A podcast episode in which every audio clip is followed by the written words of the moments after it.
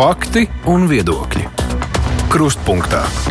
Labdien, studijā Mārija Ansone. Pagājušajā nedēļā veidojās saspringta situācija saistībā ar Zaporižas atomelektrostaciju. Ukrainas prezidents Volodimirs Zelenskis brīdināja, ka Krievija tur gatavo bīstamas provokācijas. Daudz sprieda, ka pēc Kahovkas dāmas spridzināšanas no Krievijas var gaidīt visļaunākās un visneracionālākās lietas. Bet saistībā ar Zaporiži visu šobrīd šķiet nomierinājies, lai gan bāžas, protams, paliek. Šodien runāsim par riskiem saistītiem ar Zaporižas AS, kā arī vērtēsim to, kā sokas Ukrainai pretuzbrukumā, un tas viss NATO samita fonā. Mūsu studijā ir Latvijas ārpolitikas institūta pētnieks Mārtiņš Vargulis. Labdien! Sveiki! Attālināti mums ir pievienojies Latvijas armijas atvaļināts kapteinis Mārtiņš Vērdiņš. Sveiks, Mārtiņ! Sveiki.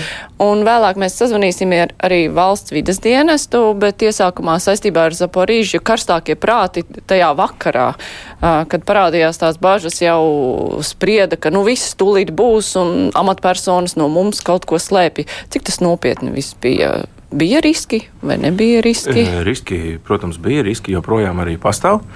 Mēs šāda nu, sabotāžas pasākums, aktivitātes, protams, nevaram izslēgt. Bet no otras puses jāsaprot, ka lielu ieguvumu Krievijai tas, protams, neraisīs īpaši no starptautiskās sabiedrības perspektīvas. Un šajā gadījumā es gribētu akcentēt īpaši Ķīnas pozīciju. Ja par kaut ko Ķīnai ir bažas, tad tā ir kodola retorika, kodola šantāža Arī atcerēsimies apmēram pirms gada tikšanos eh, starp Sīdžimpīnu un Džo Baidenu. Ja par kaut ko tika vienots, panākta vienošanās, tad tā bija šī, nu, šie mēģinājumi deeskalēt, mazināt jebkāda veida kodolu, un, un Zaporiži jāskatās arī tādā kontekstā. Um, tāpēc um, nu, Krievijai no militārās un vēl vairāk no politiskās perspektīvas tas, protams, raisītu lielākus izaicinājumus nekā iegums. Nē, mēs nevaram izslēgt nu, tādā ziņā, ka nu, tāda viltus karoga operācija, kas ir klasika Krievijas militārajā mm, domāšanā un doktrīnā, proti darīt visu, norādot, ka it kā to ir izdarījusi otra puse. Nu, tādas iespējamības uh, pastāv, un es, mums viņām ir jābūt gatavām, bet atkal, uh, ka tas sniegtu šobrīd uh, ievērojamu politisko militāro pienesumu kaut ko tādu darīt, nu, tas, tas būtu pretēji. Mārtiņa piekrīti? Jā, nu, Protams, tā ir, tā ir viena no versijām, bet pastāv arī citas versijas. Nu, es personīgi pieturos pie tādas versijas, ka Zaporožas atomelektrostacijas tēma ir tāds tā kā batuts, uz kuru var uzmest jebkādu informatīvo ķieģeli, un, un šis ķieģelis paliksies ļoti augsts un viss par to runās. Un, principā, tas arī tiek, izman, tiek izmantots informatīvajā karā, un viss par to runā. Bet um, kas ir fakts? Tas ir tas, ka uh, Zaporožas AS tiešām tika nominēta, tur ir izvietots spridzekļi, un tas ir neapšaubām.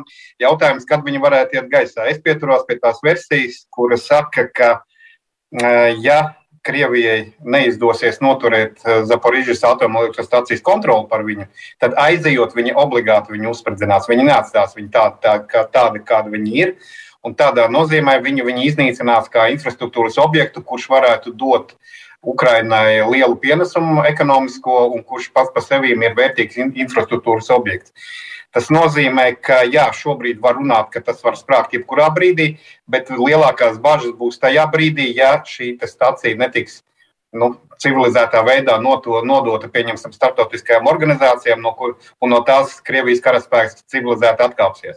Šāda varbūtība ir zema. Drīzāk tas sprādziens vai tā spridzināšana varētu notikt tad, kad Krievijas karaspēks būs spiests šo objektu pamest. Jā, mēs esam šobrīd jau sazvanījuši valsts vidas dienesta uh, radiācijas drošības centra direktori Dacis Šatrovsku. Labdien! Vai jūs dzirdat Labdien. mūs? Sveicināti. Jā. Pagājušajā nedēļā valsts vidas dienests izplatīja ziņu, ka gadījumā, ja tur kaut kas notiek, tad radiācija, kas mūs skars, būs niecīga. Kā, kā jūs veidojat tos aprēķinus? Tas ir uz konkrēto brīdi, ar konkrētiem laika apstākļiem, vēja virzienu, vai, nu, principā tā ir tāda vieta, kas mūs īpaši neapdraud un šis konkrētais objekts? Jā, es vēlētos atgādināt, ka mēs pastiprināti sekojam līdzi situācijai, kas notiek Zaporižas atometrostācijā, un arī vērtējam, kādi varētu būt riski jau no pagājušā gada. Kāpēc tāds vērtējums, ka nu, varētu tas risks būt niecīgs, nebūtisks, ir vairāki aspekti. Pirmais aspekts jāņem vērā, ka šī atometrostācija atrodas diezgan tālu no mums. Tas ir vairāk nekā 1000 km no Latvijas robežas. Un uh, vēl viens būtisks aspekts ir tas, ka reaktori pašlaik nedarbojas, viņi ir izslēgti. Tas nozīmē, ka tas risks um, avārijas gadījumā būs mazāks nekā ja šie reaktori dar, darbotos ar pilnu jaudu un ražotu šo elektroenerģiju uh, nodrošinātu valstī. Un, protams, ka vēl ir svarīgs, kas ir nākamais aspekts, trešais aspekts - meteoroloģiskie apstākļi. Um, tas ir vēja virziens, vēja ātrums, un, um, ja vēja virziens nav vērsts uz konkrēto teritoriju, tas nozīmē arī šīs radioaktīvā piesārņojuma risks samazinās, apdraudējuma līmenis ir mazāks. Kāpēc es pieminēju tos tūkstošus kilometrus? Um, mums vērtējot um, riskus, šīs nepieciešamas pasākumus aizsardzības, tiek vērtēts, ka tas tāds pārtiku ierobežojums, tā zona pārtomatrostacijām būtu 300 km um, radiusā. Um, šeit ir vairāk nekā 1000 km, tāpēc arī risks nu, samazinās attiecīgi. Tas nozīmē, ka jebkurā gadījumā arī pie citiem meteoroloģiskiem apstākļiem mēs, mēs šeit varam būt mierīgi. Jā, ja, ja, ja teritorija arī sasniegtu kāds radioaktīvu piesārņojumu daļu, tas būtu tik minimālā līmenī, kas neradītu cilvēkam veselībai apdraudējumu. Bet, paskatoties kartē, tad apdraudēta savukārt ir kaut kāda daļa Krievijas teritorijas tajā skaitā, jebkurā gadījumā. Mm, jā, tāpēc, mm, tāpēc mm, tas jautājums par to, vai šis, nu, šis apdraudējums būtu iespējams, vai šis, arī šī šāda nu, sabotāža šo atomenerģiju ir, ir nu, ar lielu jautājumu zīmi, ja jāņem vērā, ka varētu sasniegt viņus arī Baltkrievijas teritoriju vai Krievijas teritoriju. Tāpēc nu, tāds loģiskais pamatojums šādai sabotāžai arī ir nu, neskaidrs, jā, ņemot vērā, ka tas nu, varētu neapdraudēt Eiropas Savienības valsts, bet tieši otrādi. Bet tie 300 km, kas tur tajos notiek, kādi postījumi ir? Jā, par tiem 300 km, kāpēc mēs tā pieminējam, jāņem vērā, ka mums atrodas vēl tuvāk cita atomenerģija, tā ir Baltkrievijas atomenerģija, kas ir um, aptuveni 100 km attālumā no mūsu robežas. Tie 300 km ir um, ne tikai nu, Baltkrievijas, arī citām jaunākām atomenerģijām. Uh, Tie ir tā saucamie pārtikas un preču ierobežojumi. Tajā gadījumā, ja notiktu kodolavārija, es runāju par kodolavāriju, nevis par, nu, kas mazāk reaktori nedarbojas. Tajā gadījumā tiktu vērtēts, tiek ieteikts iedzīvotājiem tajā situācijā, ja vēja virziens būtu uz mūsu pusi, tiktu ieteikts doties iekštelpās, kamēr šis selektīvais piesārņojums pāriet pāri Latvijas teritorijai un arī tiktu ieteikti pārtikas produktu ierobežojumi. Tas nozīmē nelietot pārtiku no atklātā lauka, jā, no meža, kamēr mēs neesam pārliecināti, ka šī nu, pārtika ir droša. Tāpat arī nelietot nu, dzeramo ūdeni no ne, nenosektām ūdens tilpnēm vai nenosektām akām. Izmantot slēgta, slēgto pārtiku, kas ir bijusi telpās, vai arī slēgto pārtiku ūdeni Tas ir tāds, tādā gadījumā, mēs runājam par, eh, nu, par Baltkrievijas atomenerģijas nu, kodola avāriju. Bet uh, tiem cilvēkiem, nu, kas tur tuvumā atrodas, uh, nu, kas viņiem draud? Jo visi jau nevar uzreiz paslēpties. Um, mēs runājam par um, Baltkrievijas vai par atomenerģiju? Par Zaparīžu, bet jebkurā gadījumā tiem cilvēkiem, kas tur tuvumā dzīvo, kas ar viņiem Jā. notiek? Ja, es pieminēju 300 km zonu, bet arī ir cita veida zonas, ir 5 km zonas, 10 un 100 km zonas. Šajās zonās ir noteikti tādi plānoti aizsardzības pasākumi, kur plāno visām atomenerģostacijām. Ja? Tas nozīmē, kādi ir tie primārie pasākumi, kas ir jāveic kodolavārijas gadījumā. Pieņemsim, tuvākajā zonā ir obligāta iedzīvotāja evakuācija, ja? iedzīvotāju tas nozīmē pārvietošana. Uh, ir, jā, ir kodola avārija, tas ir um, arī joda profilaks lietošana, tas tikai tuvākajās tās zonās. Un, uh, protams, arī tie paši pārtikas ierobežojumi, jā, vēl stingrāk. Jā, jo, ja tajā gadījumā tas ir, cilvēks atrodas tuvāk šajā atomenerģijā, kur notikusi avārija. Jā, paldies. Mēs sazinājāmies ar valsts vidas dienestu radiācijas drošības centra direktori Daci Šatrausku.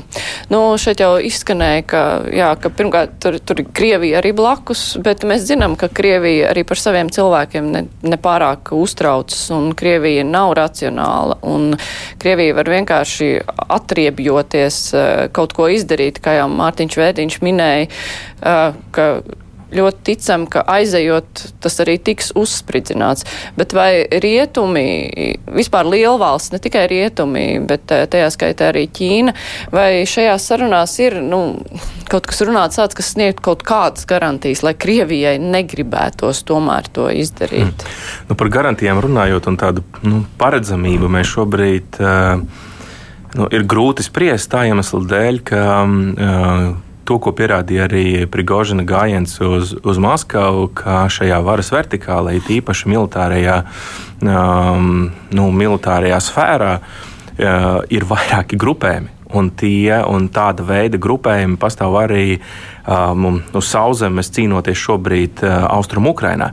Tas, kurš precīzi vada kuru vienību šobrīd, ir liels, uh, ir liela jautājuma zīme.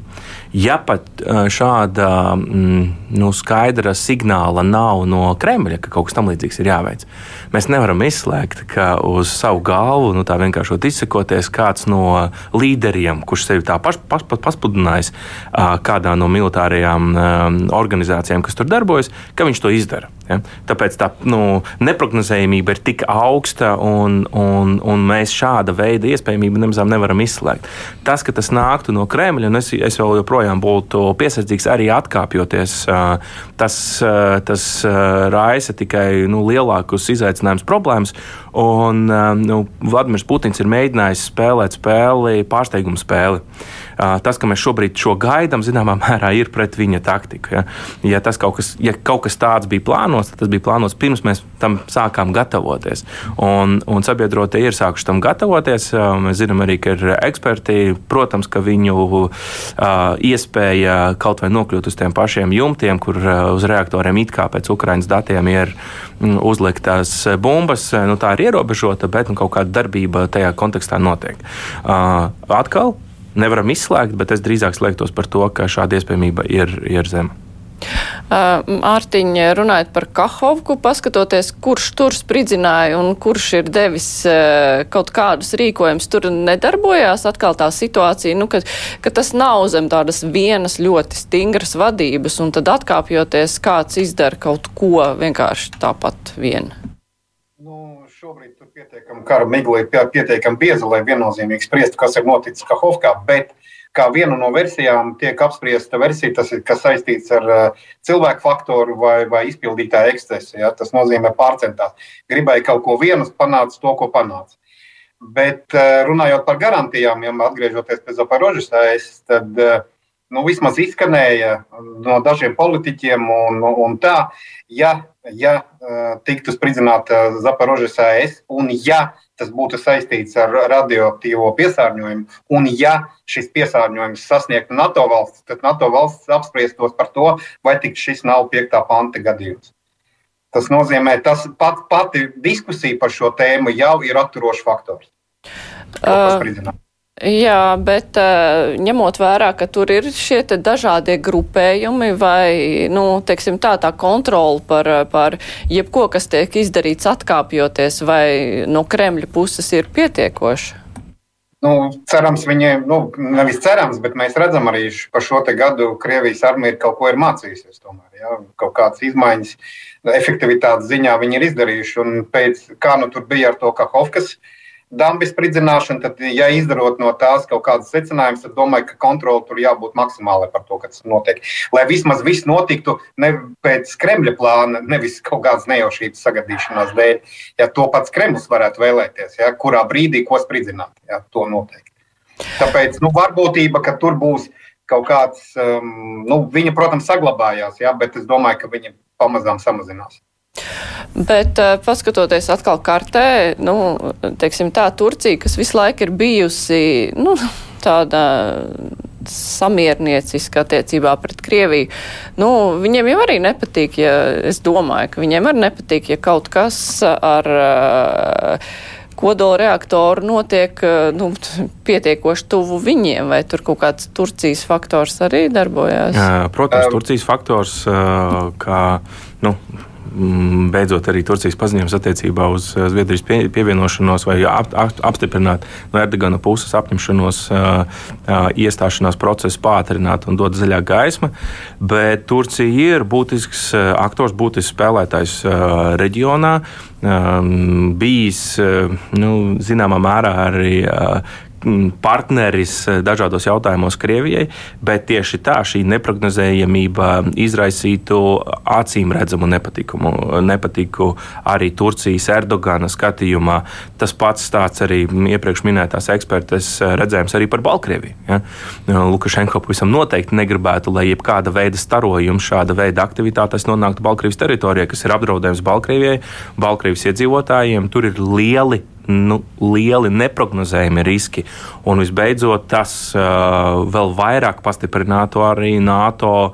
Nu, iesaisti, es negribētu teikt, tādā nu, kara pieteikšanas kontekstā, piektā panta kontekstā, bet uh, papildu līdzekļi, lai kādi arī tie būtu, tas, tas būtu, tas būtu klātsoši. Tā noteikti būtu diskusija. Un tas, ka mēs par to pie, piekrītu iepriekš teiktiem, tas, ka mēs par to jau sākam runāt, tas ir noteikti atturēšanas elements arī Krievijai kaut ko tam līdzīgu īstenot. Mārtiņa. Jā, par Turciju runājot šajā kontekstā. Tā arī šobrīd tikai viena no versijām, bet pēdējā laikā Turcijas pozīcija ir kļuvusi nu, teiksim, tā, noteiktāka un mazāk eh, Kremlim draudzīga. Ja, kā jūs zināt, ja, tā tad ir saņemta apsolījumi par eh, Zviedrijas, um, par Zviedrijas um, dalības NATO veto atcelšanu no Turcijas puses. Tāpat ir eh, izskanējusi Turcijas apņemšanās uh, ar saviem militāriem spēkiem nodrošināt, nodrošināt uh, graudu uh, eksportu no, no Ukrainas un tam līdzīgas lietas, ko Krievija uztver starp citu ļoti slimīgi un, un, un, un, tā, un, un uzskata to par kārtējiem dunčiem mugurā no, no Erdogana puses.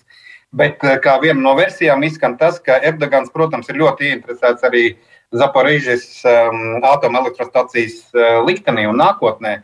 Jo visu nosaka, kā jau te kolēģi ir minējusi, ja vēja rozi, ja valdošo vēja rozi. Ja, tā, tie, tas potenciālais radioaktīvais piesārņojums tikpat labi var aizpildīt Baltkrievijas un mūsu virzienā, tikpat labi var aizpildīt uh, Rietumu Eiropas virzienā, bet tikpat labi viņš var aiz, aizpildīt arī dienvidu virzienā. Tas ir konkrēti skart Turcijas teritoriju.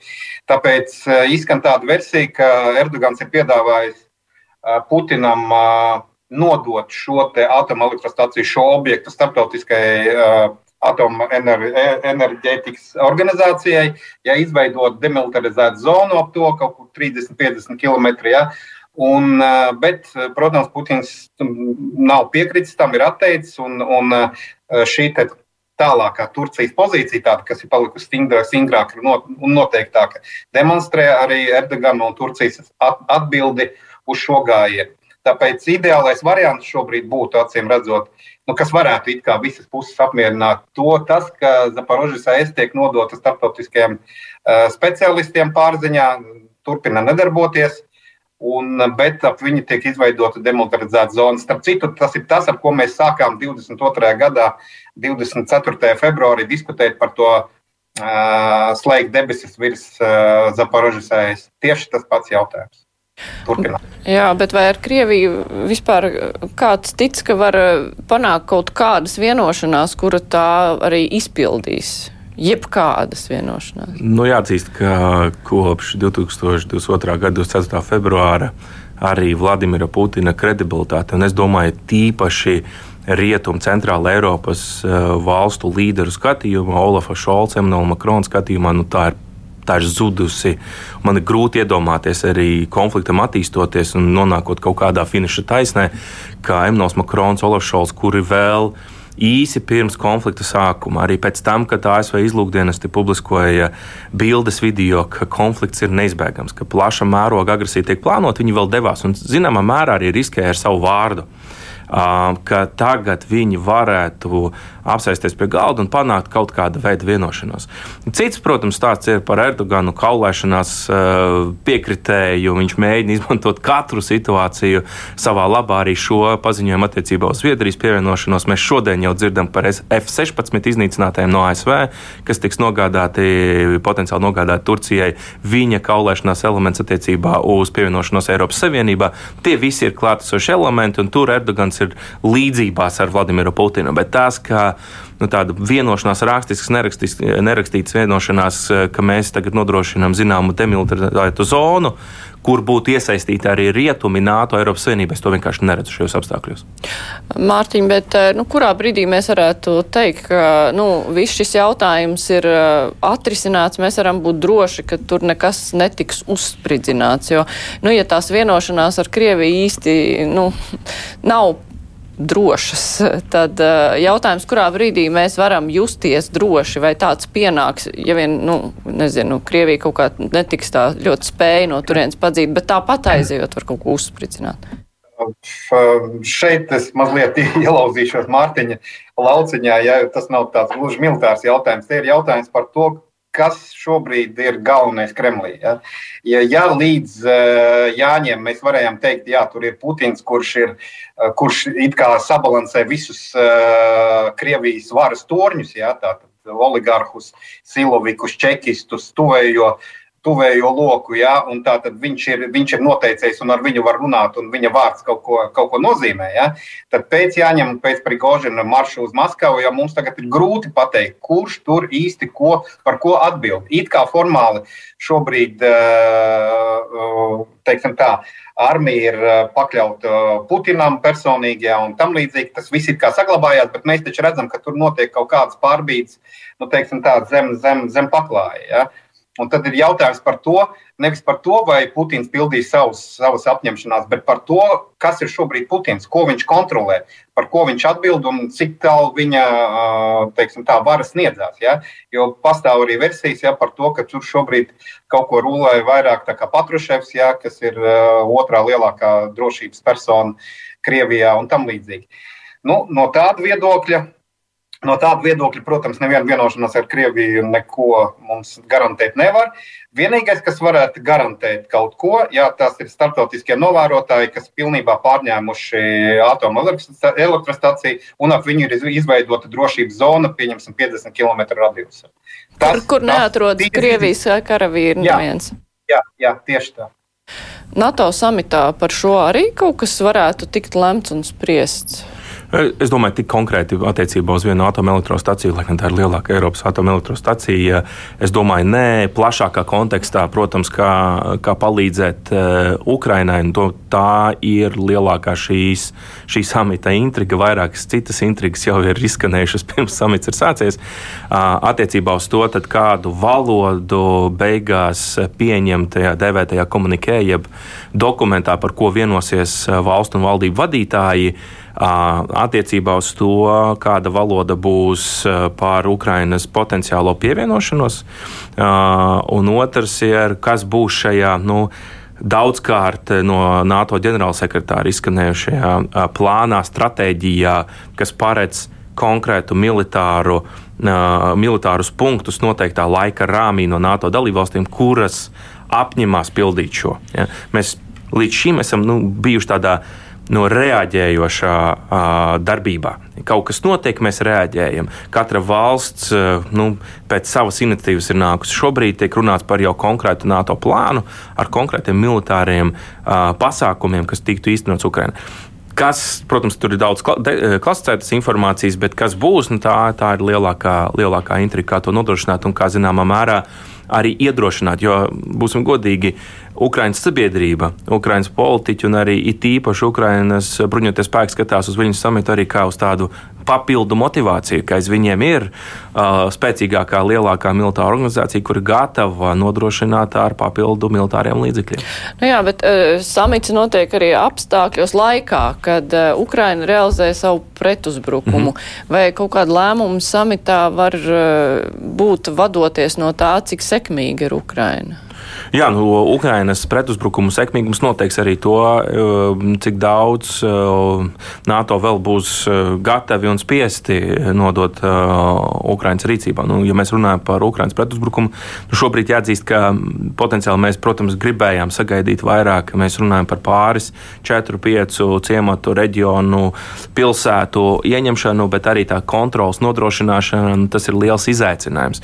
Man patīk šī analoģija, sakot, ka Vladimirs Zelenskis un kopumā Ukraina ir tādā boxa mačā aiz, ar, ar aizsietām rokām aiz muguras. Um, un tas, ko Vladimirs Zelenskis ir norādījis, un tas, ko viņš arī šodien ir aicinājis uh, viņa samita kontekstā, ir domāt par šīm tālā rādījus raķetēm, domāt par iznīcinātājiem, jo tas, kas kontrolē gaisu, tas arī noteiks uh, spēles um, iznākumu. Um, tas, ka mēs šobrīd to varētu sagaidīt, es būtu diezgan, uh, diezgan piesardzīgs.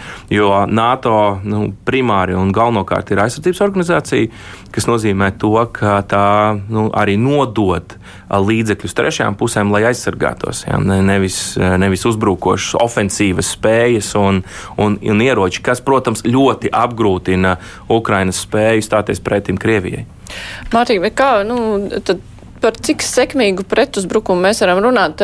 Nu, pat arī bija tas ziņa, ka nedēļas laikā ir 14 kvadrātkilometri atbrīvoti. Tas izklausās ļoti maz tajā pašā laikā, nu, ko divāni eksperti vispār var gaidīt tā dabā. Nē, nu, divāni eksperti, vi, visi cieņi divāni ekspertiem kopumā, ja viņi rada to, to informatīvo fonu. Ja.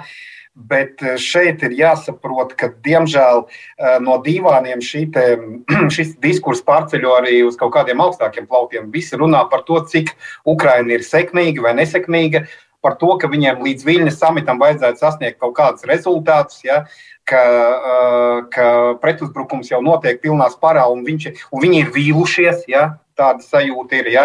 Un tas ir absolūti nepareizi, draugi mīļie. Lieta tāda ir, ka mm, šis pretuzbrukums ir strateģiskā līmeņa operācija. Šī operācija attīstās pēc sava grafika un pēc saviem, pēc saviem likumiem. Tā nav tā kā izšauja zaļo raķetu, visi izlien ārā no tranšējām un skrien pretī pretiniekam virsū, tad nāk dīvaini eksperti un mēra, cik kvadrātkilometrus viņi ir atbrīvojuši tādā veidā. Tā tas nenotiek. Šobrīd varētu teikt, ka jā, Ukraina ir uzsākusi strateģisko pretuzbrukumu, bet šajā strateģiskajā pretuzbrukumā ir paveiktas daļēji pirmās divas fāzes. Nu, ja, lai neiedziļinātos un, un taupītu laiku, neiedziļinātos kaut kādās detaļās, ja pateikšu tā, jautājums ir par to, cik, kā, cik lielas rezerves Ukrainai vēl nav izlietotas kaujās. Ja tās ir vairāk nekā divas trešdaļas, tad var teikt, ka jā, pretuzbrukums ir sācies kā operācija, bet šai operācijai nav jānoslēdzas ne nedēļas, ne mēnešu laikā. Viņi var turpināties ik divus, ik trīs mēnešus, faktiski līdz rudenim. Un tad, ja mēs redzēsim, ka Ukraina ir iesaistījusi savus galvenās rezerves kaut kādā no virzieniem, ja, tad mēs varēsim teikt, ka jā, šis ir bijis pilnvērtīgs pretuzbrukums, un tad mēs sāksim mērīt šos kvadrātkilometrus. Runājot par tiem 16 vai 18 dažādos avotos, tiem atbrīvotiem kvadrātkilometriem, tad mēs varam teikt, ka veicot uh, pre, uh, izlūkošanu ar kauju, veicot kaujas laukas veidošanas operācijas, šajā pirmajās pretuzbrukuma fāzēs Ukraina ir atbrīvojusi jau 16 kvadrātkilometrus. Ja? Tas, protams, nav tas, kas vajadzīgs Ukrainai. Ja, protams, bet viņi arī nav iztērējuši vēl savas galvenās rezerves. Tāpēc, un piesaistīt pretuzbrukumu tieši samita dienai, jā, lai būtu par ko ziņot no tribīnas. Jā, tas nav tas gadījums. Tur viss attīstās pēc pavisam citas loģikas. Un es pieturos pie vienas no tādām versijām, ka, ja uh, Ukraina militāri nejūtas gatava simtprocentīgi, tad labāk viņai to pretuzbrukumu un galvenās rezerves neizmantot un paturēt viņus. Nu, militāra persona šo saprot. Eh, droši vien, ka arī politiķiem, eh, viņi, nu, politiķi ar viņiem runā, vai tā tas nenotiek, ka viņi neieklausās tajā, ko saka militārie speciālisti un bruņoto spēku pārstāvi, kuri labi zina, cik ātri un ko var izdarīt. Mm -hmm politiķi, nu, militāristi iziet no tā, kas notiek, uz, eh, kas notiek kara laukā. Politiķi ļoti testē arī sabiedrības eh, redzējumu sajūtas. Nu, kaut vai pirms nedēļas um, viena no pēdējām uh, aptaujām Vācijā liecina par to, ka lielākā sabiedrības daļa uzskata, ka Vācija jau pietiekami piegādā Ukraiņai un ka nevajadzētu vēl kaut kādus papildus uh, līdzekļus.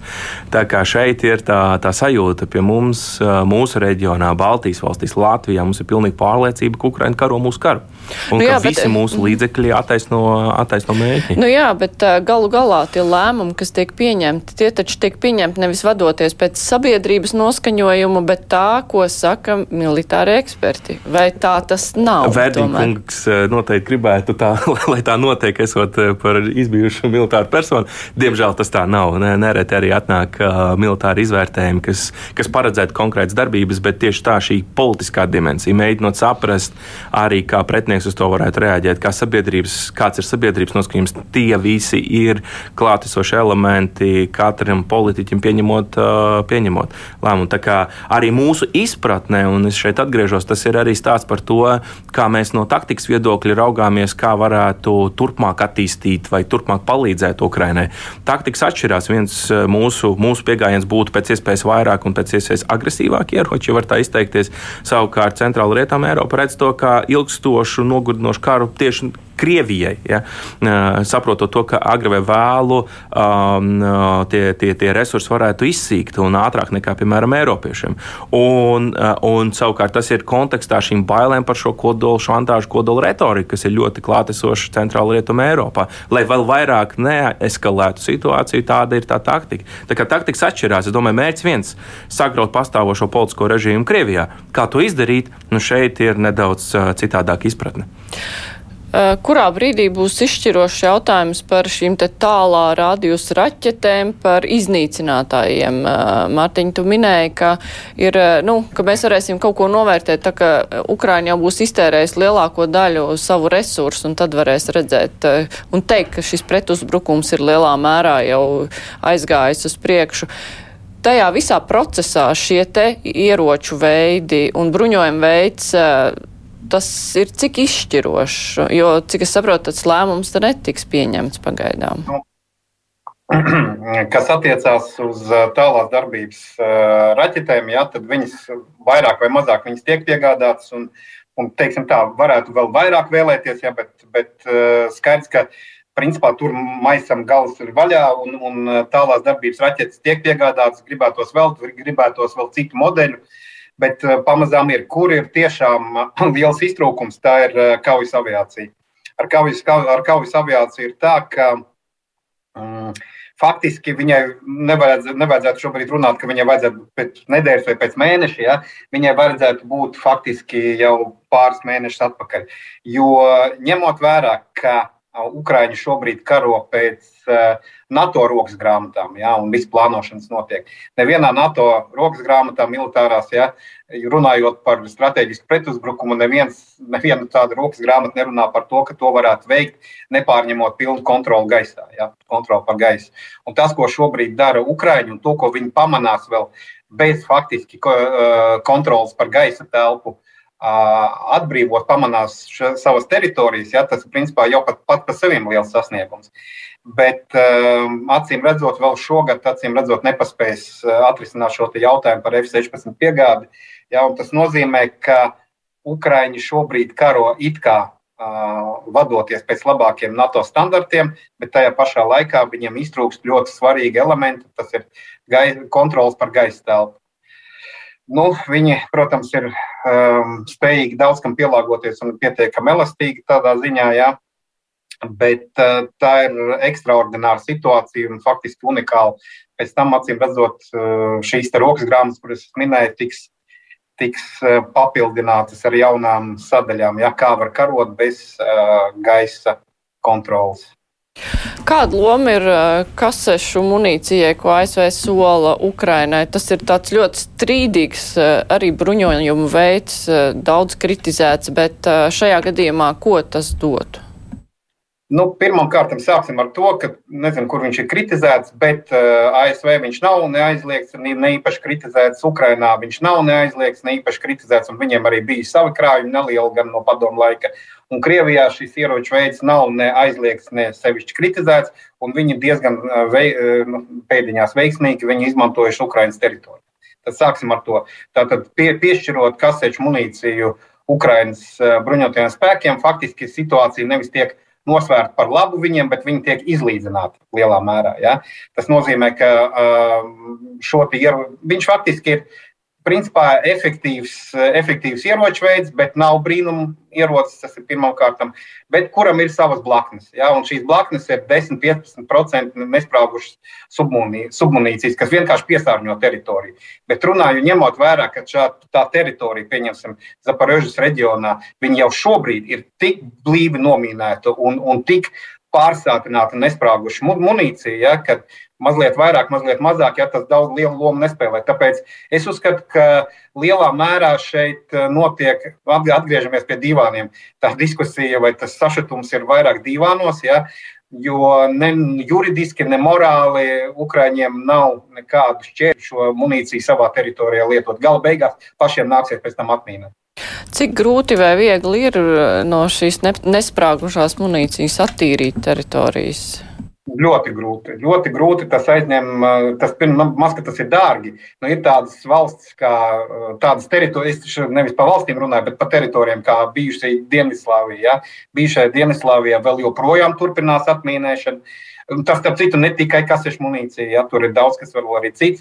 Āfrikā tāpatās vēl joprojām atmīnē gadu desmitiem, Vietnam vēl joprojām līdz galam nav atmīnēta. Tas ir darbs uz gadu desmitiem, ja ne simtiem. Nu, labi, noslēdzot, tad eh, NATO samitā eh, kaut kādu lēmumu var tikt pieņemt, nu, kas eh, palīdzēs Ukrainai šo pretuzbrukumu veikt un uh, vispār iet uz priekšu. Es paredzētu, ka mm, papildus ekipējums, papildus militārie līdzekļi tiks paziņot, un tam, tam ir jābūt grūti iedomāties, ka ka nekas šajā kontekstā vai, vai šajā ietvarā netiks darīts, bet tas būs jau esošo līdzekļu papildinājums. Jā vēl vairāk, iespējams, vēl ātrāk un, un plānveidīgāk. Bet, bet citādi kaut kāda NATO iesaiste, um, Ukrainas pietuvināšanās vai zaļā gaisma tās dalībai NATO, un šeit, tur būs kāds hibrīd modelis, hibrīd risinājums attiecībā uz to. Nu, tas, kas ir izskanējis jau šobrīd, tad būs atsevišķa NATO Ukrainas padome, kas nozīmē to, ka Ukraina varēs arī no savas puses sasaukt, ja viņi tā jūtas, nu, ja jūt nepieciešamību uh, vienoties par tālākām darbībām ar NATO dalībvalstīm. Tā kā nu, stiprināt tās pozīcijas, kas šobrīd ir. Mārtiņ, kas Ukrainai būtu vajadzīgs no šīs samita visvairāk, kā tā šķiet? Nu, Pirmkārt, pilnīgi piekrītu tam, ka jau šobrīd Ukraiņa saņem visu iespējamo palīdzību, būs vēl mazliet vairāk palīdzības. Faktiski viņi bauda to, ko viņai varbūt arī dotu. Vai, vai nu, ideālā situācijā, ja uh, Ukraiņa būtu NATO dalība valsts, tad varbūt iespējams, ka šis, šis, ir tas, ko viņi šobrīd saņem, arī būtu tā piektā panta palīdzība. Bet, protams, ja mēs runājam arī no politiska viedokļa, ko es priekš sevis tā kā tādu karodziņu esmu nospraudis, ja, vai Ukraiņa saņems šo te Uh, dalī, dalības laika grafiku. Ja, tas ir uh, membership action plan. Ja, un acīm redzot, viņi, viņi nesaņems. Uh, tas nozīmē, ka labākais, kas varētu notikt, ka Ukrainai skaidru un gaišu nepārprotam pateiktu, kad viņa varēs iestāties un ko viņai priekš tam ir jāizdara. Tas ir faktiski viņai nepieciešams formāls uzaicinājums, jo iesniegums jau ir, formāli uzaicinājumu nav. Tātad šis lūk, būtu priekš Ukrainas nu, teiksim, tā, svarīgs moments arī, lai celtu savu morāli. Galu beigās tas ir dalība NATO, ir viņa arī konstitucionālais mērķis. Ja. No nu, acīm redzot, tas nenotiks, tāpēc mēs varam runāt jā, par kaut kādām kārtējām padomēm, palīdzības palielināšanu, jā, bet tomēr galvenais nav nenotiks. Krievija kā to uz to visu skatās. Nu, nav šī lēmuma, tad Krievija var berzēt rokas. Nē. Vai viņiem jau ir viena alga, jo viss jau notiek? Uh, Precīzi, ļoti daudz jau notiek, un, un, un NATO dalībvalstis, ne tikai NATO dalībvalstis, mēs, mēs šobrīd runājam par NATO dalībvalstīm, bet arī daudzas citas pasaules valstis piegādā militāros līdzekļus. Startautiski Krievija ir zaudējusi savas pozīcijas, savus atbalstītājus un sabiedrotos, pat, pat tāda valsts kā Kazahstāna ja, un tās, tās premjerministra paziņojumi. Tie ir būtiski, būtiski zaudējumi attiecībā uz to, ka Ukraina šobrīd vēl netiek nu, iepriekš minētais tātad iestāšanās plāns netiek tai pie, piegādāts vai nodrošināts vai paziņots. Tas vēl nenozīmē, ka tā, nu, tās attiecības netiek stiprinātas. Tieši pretēji mēs noteikti dzirdēsim, un šī NATO un Ukrainas padome ir pirmais solis šajā virzienā. Tā kā šīs būs kārtējais satricinājums, es domāju, tā skaitā arī Kremlī. Mārtiņa piekrīti. Jā, šeit laikam man nav ko piebilst. Jā, labi. Skatīsimies uh, samita rezultāts rīt rēdījumā. Divas puslodes arī par to tiks daudz un dikti runāts jau droši vien arī par kādiem lēmumiem. Es saku paldies. Uh, militārais eksperts Mārtiņš Vērdiņš attālināt bija kopā ar mums un ārpolitikas eksperts Mārtiņš Varguls bija šeit klātienē kruspunktā studijā. Bet mums vēl ir priekšā brīvais mikrofons. Savukārt viesiem es saku paldies.